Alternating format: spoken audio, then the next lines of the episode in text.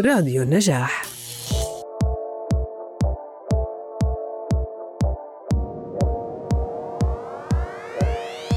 أهلا بكم مستمعينا الأعزاء في حلقة جديدة من كلاكيت وفشار. معي أنا محمد إبراهيم ومن الهندسة الإذاعية أسامة صنابي وموضوع حلقتنا لليوم السينما بين الماضي والحاضر.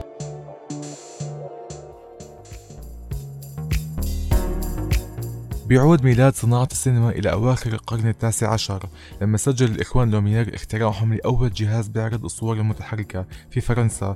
كانت معظم الأفلام المعروضة وثائقية قصيرة بدون صوت. بعدها بعد عدة سنين أجت الأنواع الدرامية الروائية بعد ما يقارب العقد والنص بدأت تجارب كثيرة في إدراج المونتاج وإضافة المؤثرات البصرية والصوتية عشان تطلع شوي الأفلام عن سكونها. وهي المرحلة تعتبر بداية الأفلام الشاعرية اللي لها طابع تاريخي وأنواع ثانية من الأفلام. في عام 1927 تم إنتاج أول فيلم ناطق بعنوان مغني الجاز. بعدها تم إنتاج كثير أفلام ثانية ناطقة.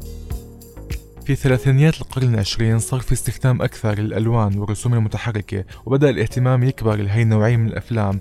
مع ظهور جوائز الأوسكار في فترة الحرب العالمية الثانية وبعدها ازدهرت الكوميديا بشكل ملحوظ وتربعت الأفلام الموسيقية على عرش السينما بالإضافة إلى انتشار أفلام الرعب مع استخدام بسيط للمؤثرات بسبب تكاليف الإنتاج العالية وهذا أدى إلى إنتاج أفلام جماهيرية أقل تكلفة. مثل أفلام الاستخبارات. أما بالنسبة لأفلام الخيال العلمي فصارت تظهر في بداية الخمسينيات.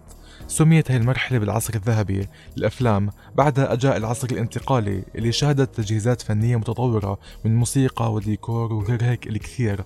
وبدأ التلفزيون يظهر كمنافس لصناعة الأفلام وهذا أثار جدل حول نوعية المنتج وجودته.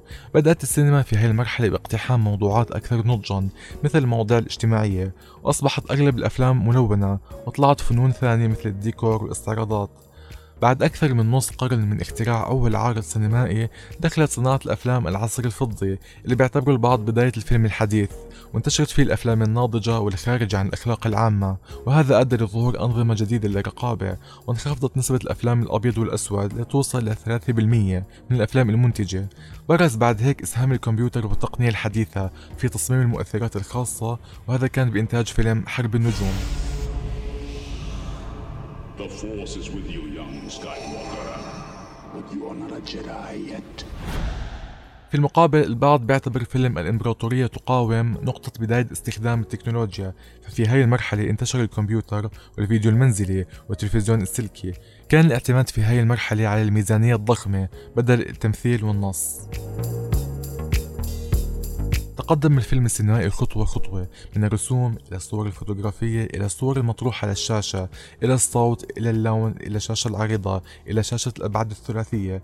حتى في تجارب علمية جارية عشان يضيفوا حاسة الشم للتجربة الفيلمية بإطلاق عطور أثناءها وشهد آخر عقدين تصاعد في العلاقة بين صناعة السينما وبين شبكة الإنترنت.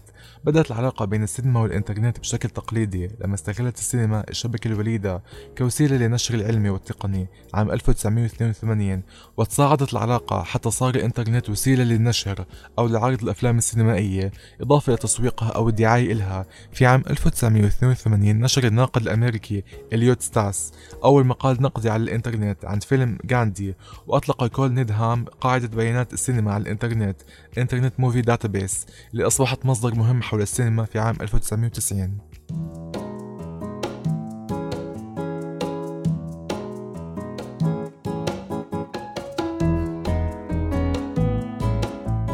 هل من الممكن يحدث تطور أكبر للسينما في المستقبل؟ نترك الجواب لمخيلتكم وتوقعاتكم مستمعينا